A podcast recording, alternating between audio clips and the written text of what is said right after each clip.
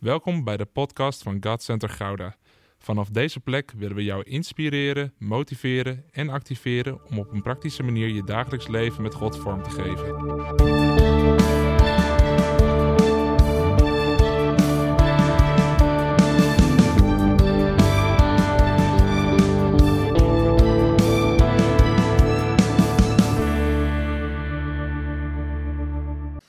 Een mooie zondag hebben we al met elkaar. En ik sta echt al eh, een aantal dagen te popelen om de boodschap vandaag te brengen. En ehm, misschien ga je even schrikken aan het begin, maar ontspan, het komt goed.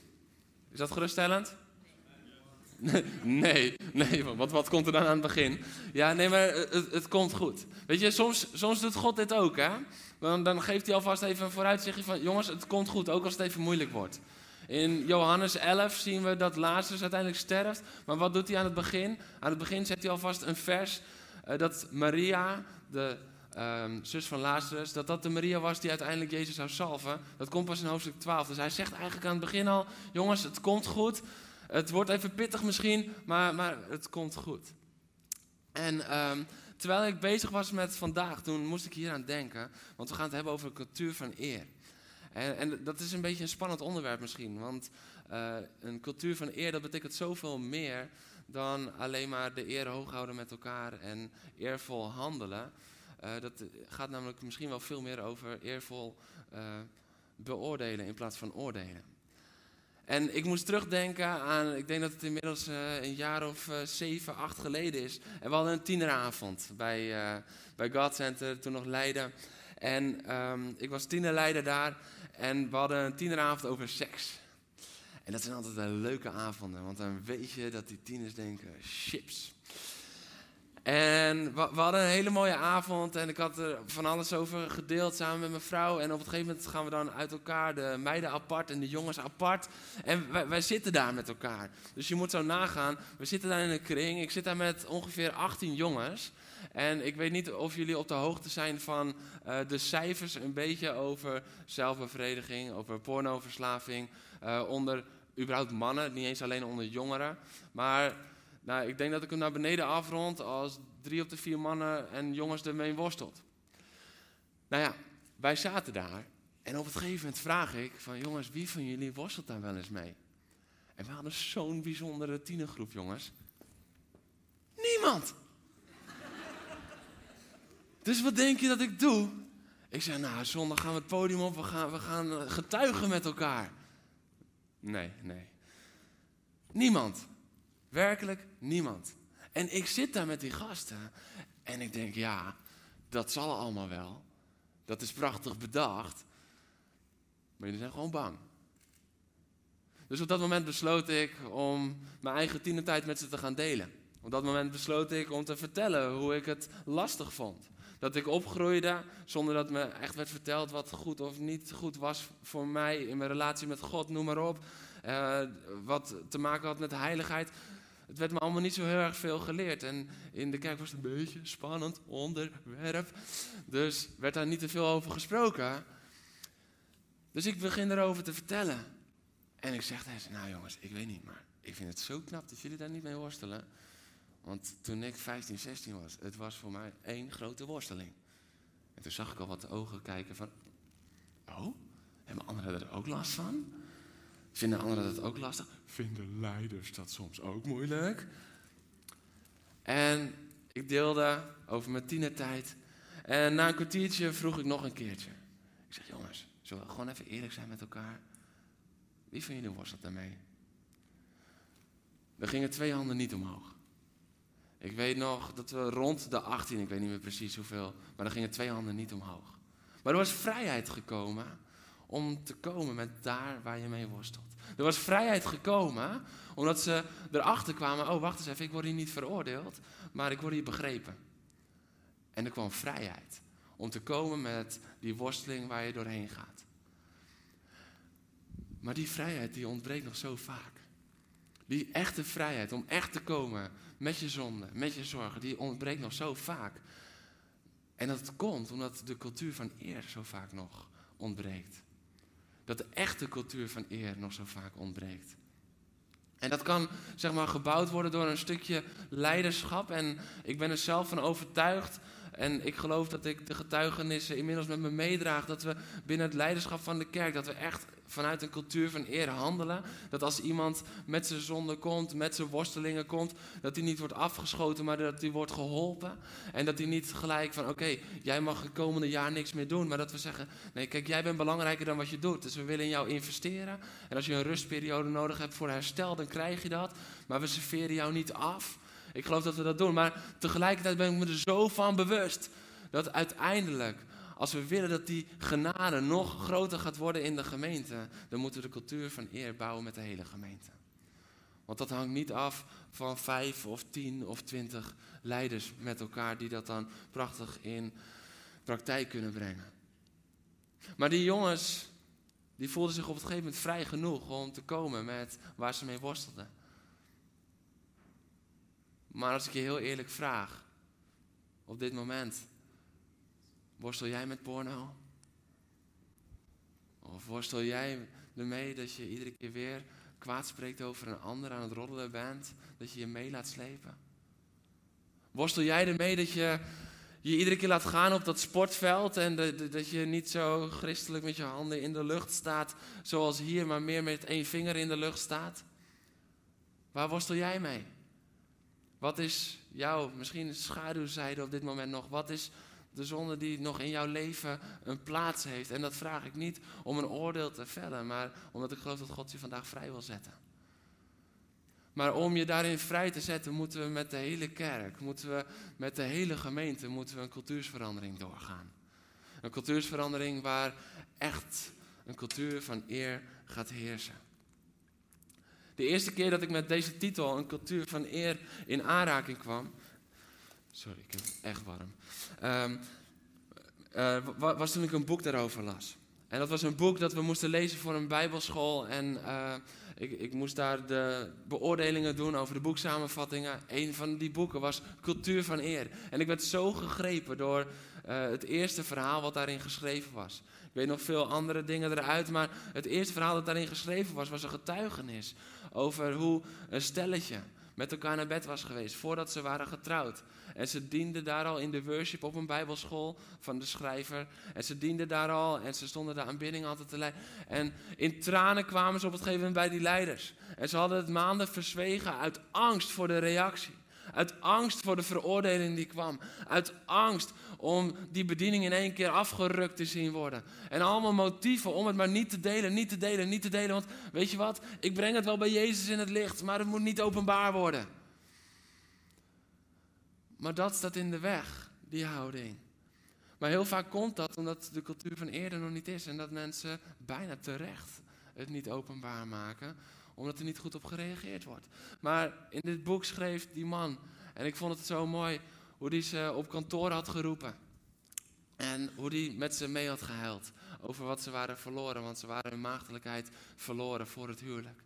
En, en dat vond ik zo mooi, dat hij zei van, ik heb daar mee gehuild. En, en hij had met ze opgetrokken.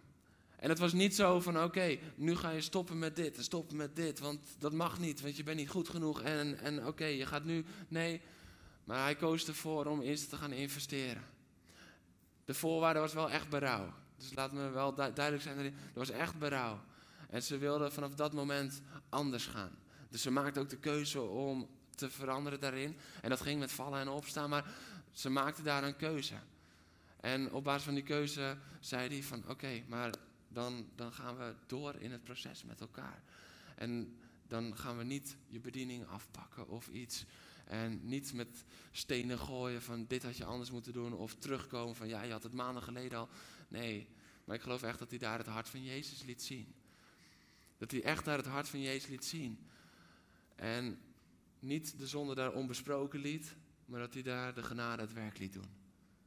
En dat is heel vaak wat we uit angst een beetje doen. Dan denken we, nou, als we die zonde nou onbesproken laten, dan, dan wandelen we in genade. Maar dat is helemaal niet zo. Want als jij nu nog worstelt met iets, dan ken je waarschijnlijk de angst van, ja, maar wat als iemand erachter komt? Wat als iemand het een keer ziet? Wat als, wat als, wat als, wat als? En je wordt bang en bang en bang. Dus je denkt misschien van ja, dan, dan wandel ik in genade. Nee, je wandelt in angst. Maar waar echte openheid komt, daar kan genade echt helemaal doorbreken. Waar echte openheid komt, daar kan genade zijn doorgang vinden. Maar dan moeten we wel eerst een cultuur van eer bouwen met elkaar, zodat die openheid veilig is. Cultuur van eer. Het woord eer betekent het persoonlijke of maatschappelijke aanzien dat men, eh, men heeft. Eer is gekoppeld aan het morele bestaan van de mens, een gevoel van eigenwaarde en de erkenning daarvan door anderen. Weet je wat ik zo mooi vind aan een eer? Eer gaat helemaal niet zoveel over jezelf, maar gaat vooral om de omgeving. En het is ook gelijk het spannende aan eer. Want wat als eer dus niet zozeer in mijn handen ligt, dat ik het niet kan bepalen, maar dat ik afhankelijk ben van die ander. Dat is kwetsbaar. Het is kwetsbaar om afhankelijk te zijn daarin van anderen. Maar eer heeft altijd te maken met hoe anderen naar iets kijken. Weet je, ik ken sommige kinderen en thuis valt er geen eer te behalen. Wat betekent dat? Dat betekent niet dat ze niks goed doen. Dat betekent dat ze niet op waarde geschat worden. Als papa en mama het niet op waarde schatten, dan kan je het nog zo geweldig doen. Maar dan is er geen eer te behalen. Dus eer heeft niet altijd wat te maken met wat jij doet, maar meer hoe er naar gekeken wordt. En dat maakt het zo spannend en dat maakt het zo kwetsbaar. En dat maakt vanochtend ook misschien een beetje spannend. Ik had het er met Petra over gisteren. Ik zei, ja, ik weet nog niet helemaal hoe ik ga eindigen. Toen zei ze, nou ja, misschien met de oproep, wie wil zijn zonde beleiden? Dus we lachten er een beetje om met elkaar. En toen dacht ik, ja, wat mooi eigenlijk als dat echt zou kunnen. En dat er echt een cultuur van eer zou zijn. Echt een cultuur van eer. Dat mensen dan omarmd worden. En dat mensen dan niet veroordeeld worden. En dat mensen dan niet met andere ogen worden aangekeken. Maar dat mensen worden ondersteund in de weg die ze hebben te gaan. Wat als er echt cultuur van eer heerst hier in het huis? Want eer wordt niet gevormd door onze eigen daden, maar eer wordt gevormd door hoe anderen ernaar kijken. Dus misschien denk jij zo direct als we het Bijbelvers lezen van, dank u Heer, ik identificeer me echt niet met de hoofdpersoon in dit Bijbelverhaal. Misschien gaat het dan ook wel meer om de figuranten vandaag. Zullen we het lezen met elkaar? Je mag opstaan voor het woord van God, Johannes 8, vanaf vers 1. Jullie zijn echt enthousiast vandaag. Spannend onderwerp? Ja, hoor ik heel zachtjes. De rest durft niks te zeggen. Dat interpreteer ik als een ja. Ja, het komt goed, want de genade gaat toenemen. De genade gaat toenemen. Maar de genade kan niet toenemen als we dingen in verborgenheid laten. Johannes 8, vers 1. Jezus ging naar de olijfberg en vroeg in de morgen was hij weer in de tempel. Het hele volk kwam naar hem toe. Hij ging zitten en gaf hen onderricht, onderwijs. Toen brachten de schriftgeleerden en de fariseeën een vrouw bij hem die op overspel betrapt was. Ze zetten haar in het midden. En ze zeiden tegen Jezus, meester, deze vrouw is op heterdaad betrapt toen ze overspel pleegde. Mozes draagt ons in de wet op zulke vrouwen te stenigen. Wat vindt u daarvan? Dit zeiden ze om hem op de proef te stellen, om te zien of ze hem konden aanklagen. Jezus bukte en schreef met zijn vinger in het zand in de grond. Toen ze bleven aandringen, richtte hij zich op en hij zei: Wie van jullie zonder zonde is, laat hem die eerste zijn die een steen naar haar werpt. Hij bukte zich weer en schreef op de grond. Toen ze dat hoorden, gingen ze weg. Eén voor één. De oudste eerst. Ze lieten hem alleen. Met de vrouw die daar in het midden stond. Jezus richtte zich op en vroeg aan haar: Waar zijn ze? Heeft niemand u veroordeeld? Niemand, Heer, zei ze. Ik veroordeel u ook niet, zei Jezus. Ga naar huis. En zondag, vanaf nu, niet meer. Je mag gaan zitten.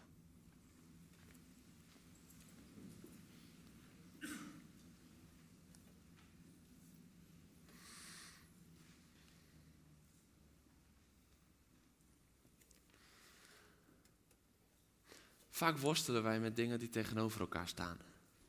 Zo worstelen we bijvoorbeeld met uh, zonde en genade. Dat, we vinden het vaak zo lastig. Want ja, er is genade, maar ja, ik zondig nog steeds. En, en zo, zo worstelen we ook heel vaak met angst en zekerheid. Want angst, daar, daar, ontbreekt zekerheid altijd. En bij zekerheid hebben we altijd zoiets van, ja, dan mag er geen angst zijn. En, en we worstelen tegen, met, met die dingen die tegenover elkaar te lijken, uh, lijken te staan. En terwijl ik bezig was met vandaag, toen dacht ik, wat als dat alles samenkomt in een cultuur van eer? Dat waar zonde niet langer verborgen blijft, dat daardoor de genade gaat toenemen. En wat als waar angst niet langer macht houdt, dat daar zekerheid de plaats mag innemen. Maar dat daar een cultuur van eer voor nodig is. Want stel je eens voor dat je deze vrouw was. Stel je eens voor dat je deze vrouw was en ik heb al van tevoren gevraagd, ik dacht ik zal niemand aandoen om nu opeens hier in het midden te komen te staan. Maar stel je voor, Cato, dat jij die vrouw bent. En weet je, heel vaak zien we dit als een tafereel dat dan buiten gebeurt. En, en uh, ja, dan komen de mensen en wat, wat mensen om haar heen. En vooral diegene met stenen. Maar Jezus was hier al aan het hele volk onderwijs aan het geven. Heb je dat door? Het hele volk zat al zo. En in één keer wordt Cato hier gebracht. En in één keer zeggen ze van, ja, maar zij. Zij heeft. Zij is op hete daad betrapt. Kleine side note bij overspel op heterdaad betrappen, snap ik nooit dat ze er met één komen. Maar zij was duidelijk hier degene die in de spotlight werd gezet. En misschien is dat ook wel je grootste angst. Dat je weet, ik heb iets gedaan, maar wat nou als dat ooit zo in de spotlight komt? En dan sta je daar en het is nu al ongemakkelijk, als je als, voor, als, je als voorbeeld bent. Dus moet je nagaan hoe dat voor die vrouw was. Zij stond daar ten overstaan van de menigte. En het was niet alleen zo dat ze daar stond, maar er stonden ook mensen om haar heen die haar op hete daad hadden betrapt. Ga maar rondom staan op het podium. Er stonden ook mensen om haar heen, klaar voor veroordeling. Er stonden ook mensen klaar om die steen te gooien. Er stonden ook mensen klaar om dat oordeel voor eens en voor altijd te vellen. Zonder genade. Op heterdaad betrapt.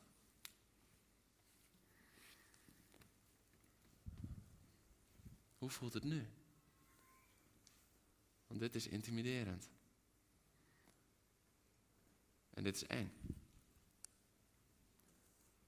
Maar Jeroen, dit was de tijd van de Bijbel, wij stenigen niet meer. Is dat zo? Of zijn de stenen die dat toen waren letterlijk de figuurlijke stenen geworden die we op iemand afvuren als iemand ook een zonde begaat? Of is het misschien zo van ja, weet je wat, inderdaad, toen gooiden ze de stenen en was verenigd en altijd klaar. Maar nu blijven we stenen gooien de rest van ons leven. Want zij heeft toch dat gedaan tien jaar geleden. En mensen veranderen niet zo. Nee, vanuit henzelf niet, maar vanuit God misschien wel. Waar echt berouw is, waar echte genade kan stromen, daar komt echte verandering. En deze mannen stonden om deze vrouw heen. En Jezus, laten we heel eerlijk zijn, is een beetje apart in dit tafereel, toch? Ik stel me zo voor dat Jezus erbij is, dat hij ze aankijkt en hij krijgt die vraag. En hij denkt,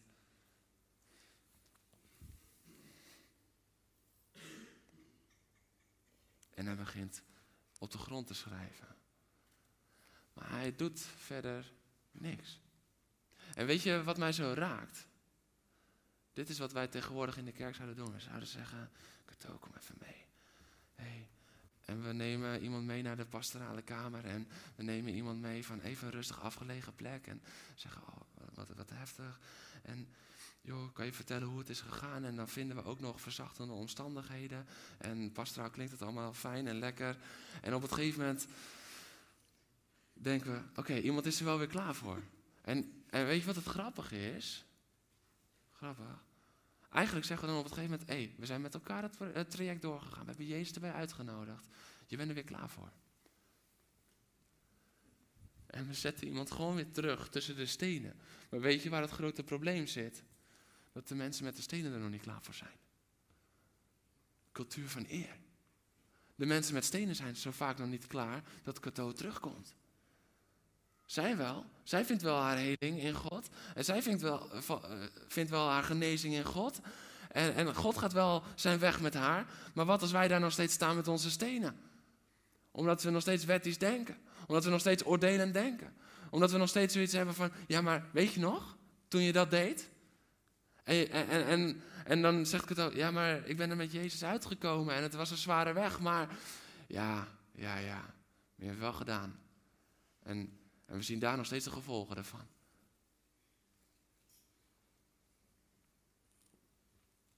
Blijf nog even staan.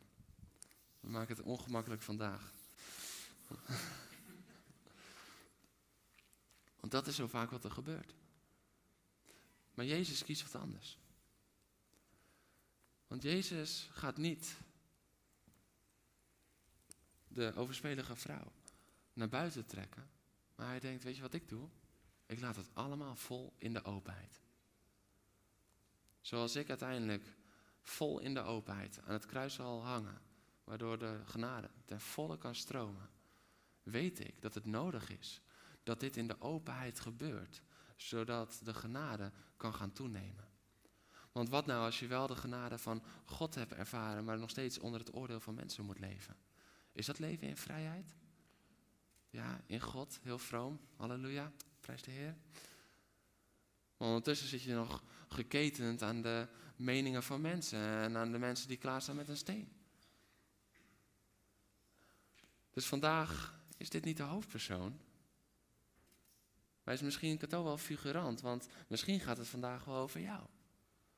Misschien gaat het vandaag gaat het wel over jou. Want misschien is het probleem niet de zonde van die vrouw, maar de steen in jouw hand. En misschien is het probleem dat wij niet met zonde durven te komen en dat wij niet durven te zeggen van hé, hey, ik worstel hiermee in mijn leven, is niet omdat Jezus niet lief en goed en genade genoeg is, maar omdat er te veel mensen staan met een steen klaar. Misschien is de cultuur van de kerk nog niet de cultuur van de eer zoals Jezus dat wel voor ogen heeft. Want Jezus doet alles hier in het midden. Hij onttrekt haar niet omdat hij weet, ik ga jou vrijspreken, maar zij hebben redding nodig. Jeroen, moet het nou zo moeilijk? Ja. Want de mensen die komen met de grote mond. De, de, mensen die komen met, ja, maar ik heb recht om dit te zeggen. En, en misschien deden ze het ten diepste nog wel ergens, zonder dat ze door hadden vanuit een goede wil. Soms, in dit geval niet, want ze deden het nu om op, op de proef te stellen. Maar dat ze een heiligheid wilden bewaken. Maar ze snapten niet waar heiligheid vandaan kwam.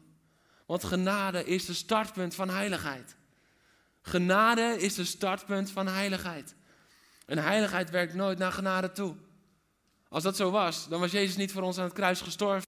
Maar hij stierf voor ons omdat wij het niet redden en hij werd het startpunt daardoor.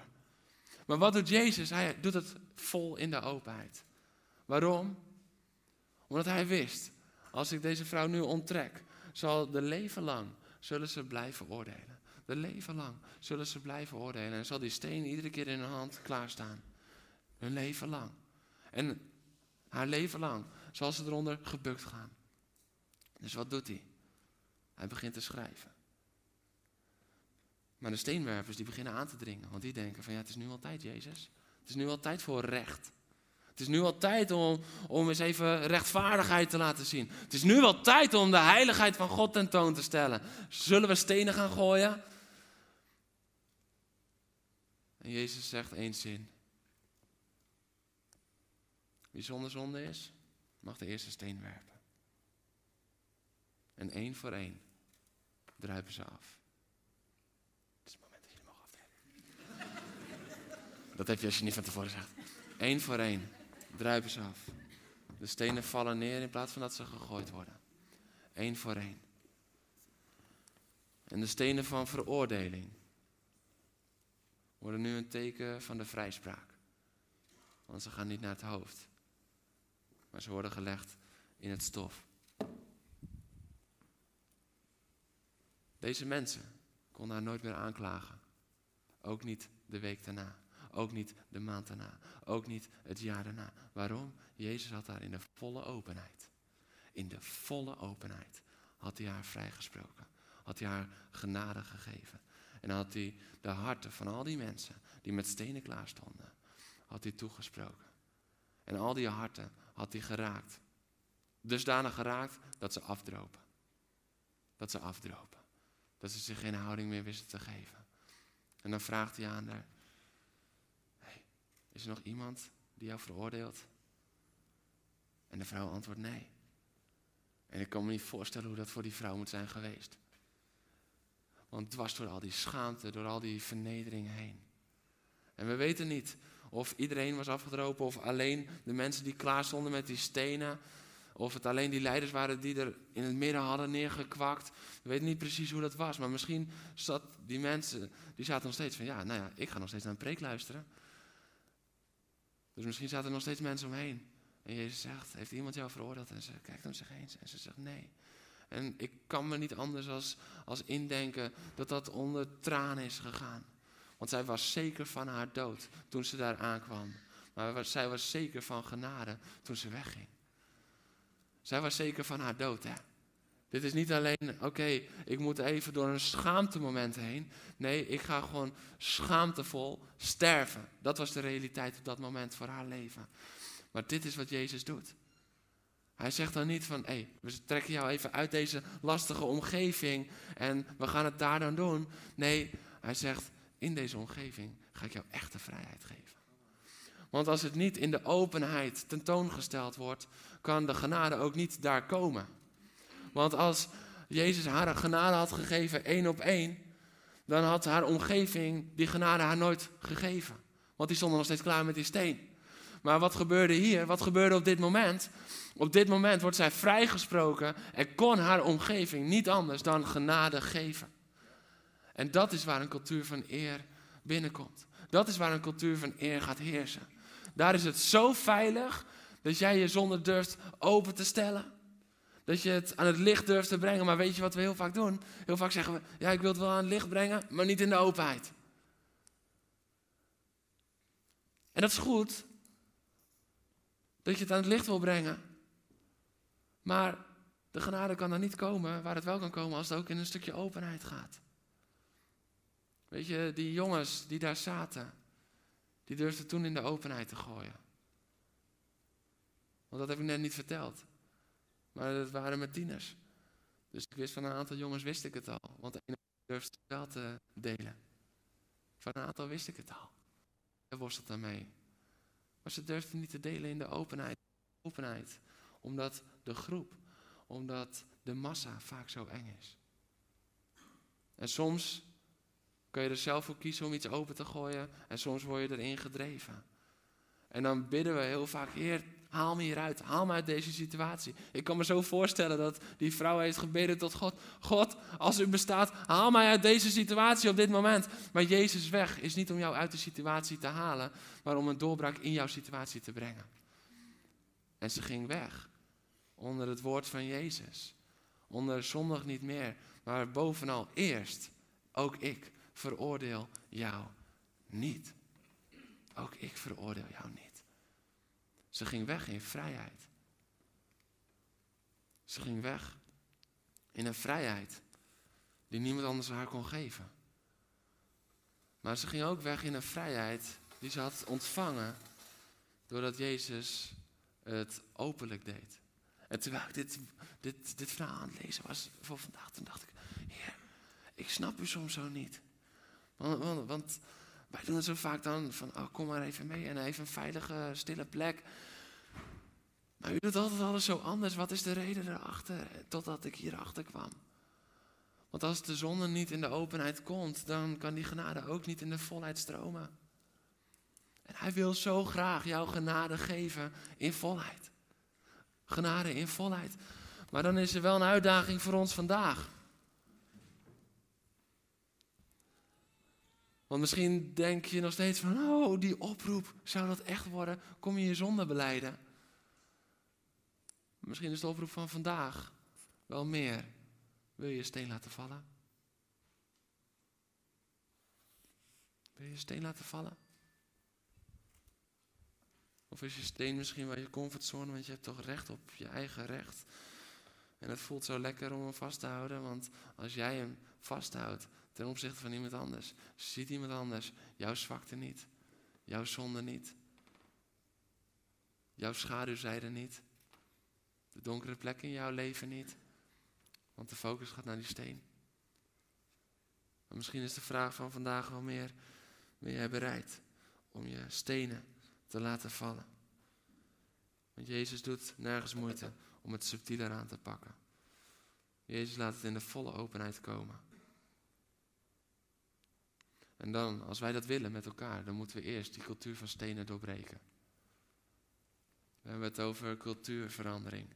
We zitten in een megaserie. Maar dit is een van de cultuurveranderingen die noodzakelijk is. We gaan het later nog hebben over een cultuur van genade, een cultuur van liefde. Maar hoe kunnen die cultuur van genade en die cultuur van liefde, hoe kunnen die heersen als de cultuur van eer er niet is? Hoe kan dat? In de openheid. Vanuit de veiligheid. En Jezus wist de veiligheid te bewerkstelligen. Maar ik wil je zeggen, en dat zeg ik, weet ik namens ook het leiderschap van de kerk. Als er mensen met stenen om jou heen staan. Als mensen met stenen klaarstaan om naar jou te gooien. Kom naar ons toe. Kom naar ons toe. Want stenen accepteren we niet. Stenen accepteren we niet in de gemeente. Stenen accepteren we niet in de familie. Stenen accepteren we niet. Want waar een cultuur van stenen gooien is, is geen cultuur van veiligheid. Waar de stenen nog mogen zijn, kan nooit helemaal vrijheid zijn, kan nooit helemaal veiligheid zijn. Kan je nooit helemaal openstellen.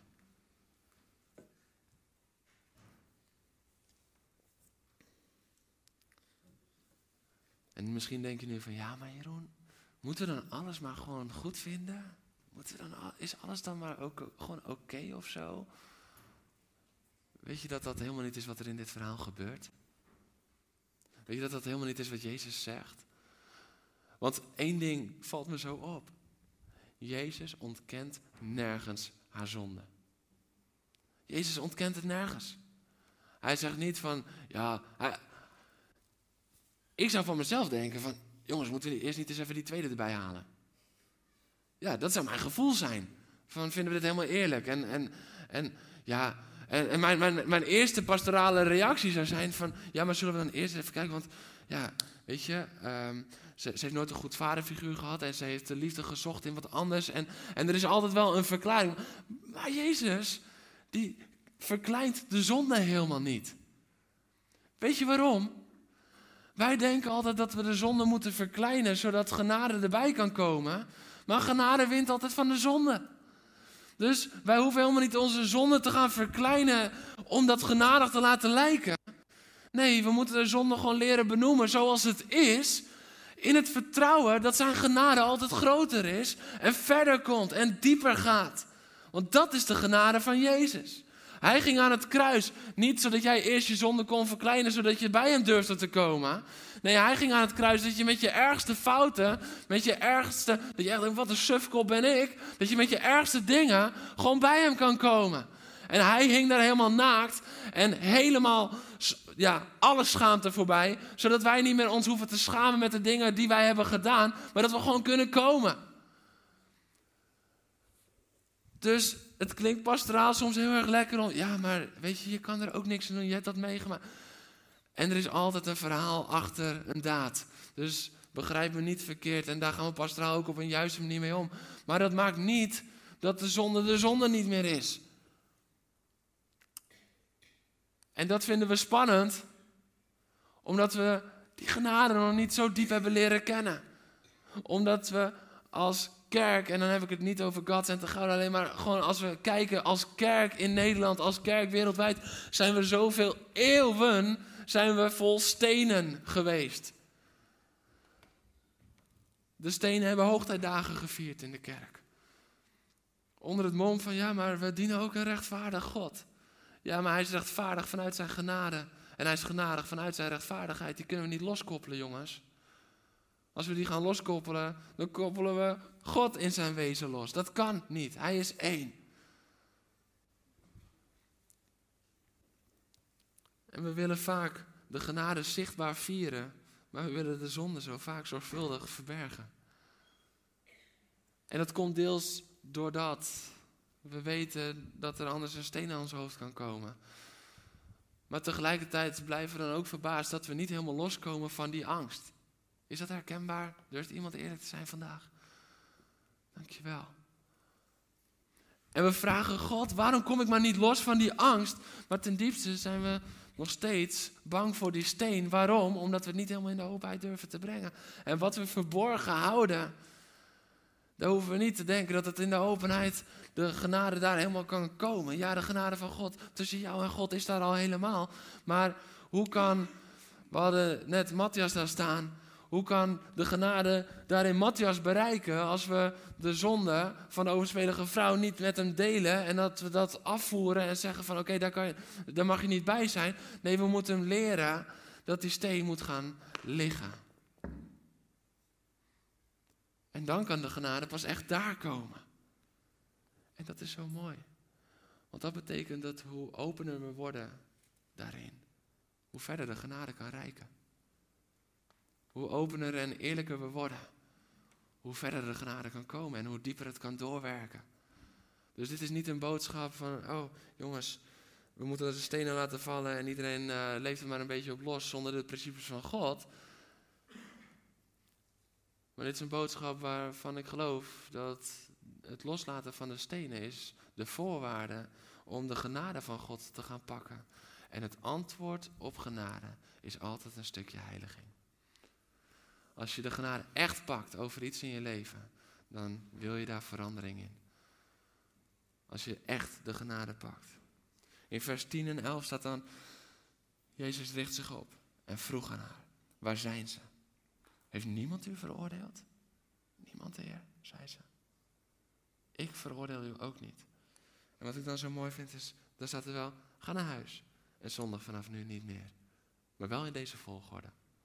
Eerst pleit Jezus haar vrij. Ik veroordeel u ook niet.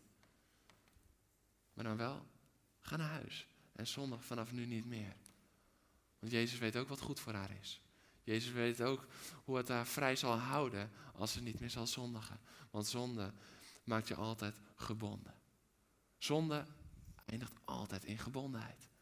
Of het is angst voor mensen, of schaamte naar God, of walgen van jezelf. Zonde eindigt altijd in een stuk gebondenheid. En Hij wil vrijheid voor jou. En Hij creëert vrijheid voor jou. Genade is het startpunt. Ook ik veroordeel jou niet. En nu mag je gaan. Nu mag je gaan. De genade van Jezus is het startpunt om heilig te gaan leven met Hem. De genade van Jezus is altijd het startpunt. Weet je, we hebben 31 oktober hebben we een doopdienst. Een hele speciale. 31 oktober is Halloween. En wij vieren niet het duister, maar wij vieren het licht. We vieren dat Jezus het licht der wereld is en dat het licht altijd heeft overwonnen. Dus we gaan dat vieren met elkaar door ook het leven te vieren. Halloween is het feest van de dood. Nou, wij zullen eens laten weten wat leven is. Ja. Dus we, we gaan dopen 9 uur s avonds. 9 uur s avonds en uh, dat duurt van 9 tot ongeveer half 11. En dan om 11 uur hebben we nog een gebedsuur. Waarin we het licht van Jezus gaan proclameren over Gouda, over Nederland, over de wereld. En dat we die machten van de dood eens even zullen laten weten dat ze al hebben verloren. Soms moeten ze even aan herinneren. Ze hebben al verloren, maar soms moeten we even herinneringen instellen. Nou, dat doen we. Van 11 tot 12. Maar als jij nog niet bent gedoopt. Dat was mijn punt. Als jij nog niet bent gedoopt en je hebt Jezus aangenomen als je redder, dan roep ik naar je. En dan smeek ik je bijna. Laat genade het startpunt zijn. Laat je dopen, want jij bent er klaar voor. Overal in het woord van God zien we dat op het moment dat iemand zijn leven gaf aan Jezus, iemand Jezus erkende als Heer, zijn leven gaf aan God, dat hij toen klaar was, dat zij toen klaar was om kopje onder te gaan om zich te laten begraven in het oude leven en op te staan in een nieuw leven. Dus als jij je hart hebt gegeven aan Jezus, maar je bent nog niet gedoopt, het is tijd. Het is tijd. En dan hoef je niet eerst een bepaalde heiligheid te bereiken. Nee, het is tijd.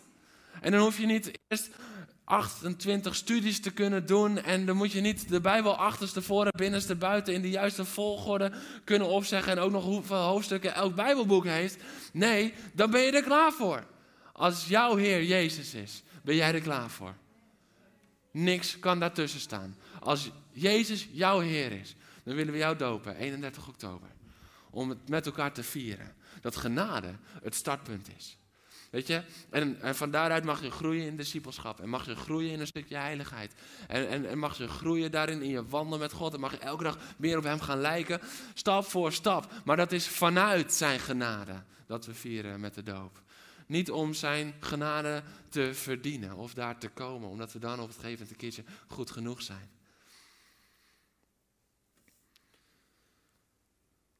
Weet je, de afgelopen jaren ook al hier in Center Gouda, hebben we als leiderschap veel jonge, vooral jonge gasten gehad, maar ook wat volwassenere mensen gehad. Die naar ons toe kwamen met hun zonde. Met de dingen die ze hadden gedaan. We hebben jongeren naar ons toe gehad die zeiden: We zijn met elkaar naar bed geweest. We hebben jongeren naar ons toe gehad die zeiden, ik ben gevallen voor een one-night stand. We hebben jongeren naar ons toe gehad die zeiden, ik worstel met de porno. En ik kom er gewoon niet zo goed uit. Wil je me helpen? En weet je, ik ben er echt van overtuigd. Dat wie het ook zou vragen van diegene. Dat ze allemaal hetzelfde zouden zeggen. Dat ze zouden zeggen, we zijn met liefde opgevangen. We zijn niet veroordeeld, maar we zijn geholpen. Er waren geen stenen. Waar ik zo bang voor was. Want één ding hebben ze allemaal gemeen. Ze waren bang voor die steen. Eén ding heeft een ieder die daarmee kwam gemeen. Ze waren bang voor die steen. En vaak in tranen komend. Aan de ene kant over wat ze hadden gedaan. En wat het ook hun aan pijn had opgeleverd. Maar aan de andere kant ook uit angst. En iedere keer weer Laten we ze zien. Jongens, die stenen zijn verleden tijd. Die stenen heb je misschien ervaren in je leven, maar hier zijn armen. Hier zijn armen. Want Jezus kwam met armen. Jezus kwam met armen wijd open. Zo wijd dat hij ze liet slaan aan het kruis. En als hij zich liet slaan aan het kruis voor jouw zonde, wie zijn wij om met stenen te komen? Hou op. Hou op, jongens. Dat zeg ik echt met een soort heilige verbolgenheid. Ik ervaar echt dat God zegt: hou op. Jullie zijn mijn kinderen. Welke kinderen gooien er stenen naar elkaar om elkaar pijn te doen? Dat is niet hoe ik jullie bedoeld heb. Dat is ook niet hoe ik jullie gemaakt heb. De Bijbel zegt: God is liefde en we zijn naar zijn evenbeeld geschapen. Hoe kunnen we denken dat we met stenen moeten komen? Hij is liefde. Het is tijd voor een cultuur van eer in de kerk. En ze kwamen met angst. Tranen van angst. Maar ik kan echt zeggen, bijna geen één uitgezonderd. Dat het zichtbaar was. En de andere geloof ik van binnen. Ze gingen met tranen weer naar buiten. Maar het waren tranen van opluchting. Tranen van vrijheid. Tranen van het ontvangen van genade. Tranen van een nieuwe zekerheid. Tranen van een stukje herstelde identiteit. Want de steen kan niet bij het hart komen. Dat is interessant, hè? De steen kan niet bij het hart komen, kan alleen je hoofd raken. Maar armen komen bij je hart. Jezus komt bij je hart. Jezus houdt zoveel van jouw hart. Het is echt voor jou. Voor jou. En iedereen die in mijn naam komt met een steen, heeft mijn genade niet begrepen. En laat me dat ook zeggen. Iedereen die naar jou toe komt, in zijn naam, met een steen, heeft het helemaal niet begrepen. Een cultuur van eer. En ik wil je vandaag vragen: leg jij je steen neer? Ben je bereid om je steen neer te leggen? Zodat dingen meer in openheid kunnen. Weet je, en dat, daarmee bedoel ik echt niet dat we nu een uh, nieuwe traditie in het leven roepen dat elke zondag iemand op het podium wat mag delen over de afgelopen week. Maar wat als die vrijheid er wel is? Dat het niet moet, maar dat de vrijheid er is. En dat je de vrijheid voelt in je jeugdgroep om gewoon te delen.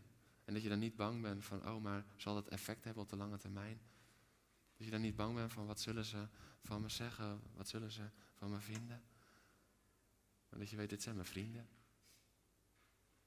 Ik wil vragen of de worship naar beneden wil komen en klaar wil gaan staan.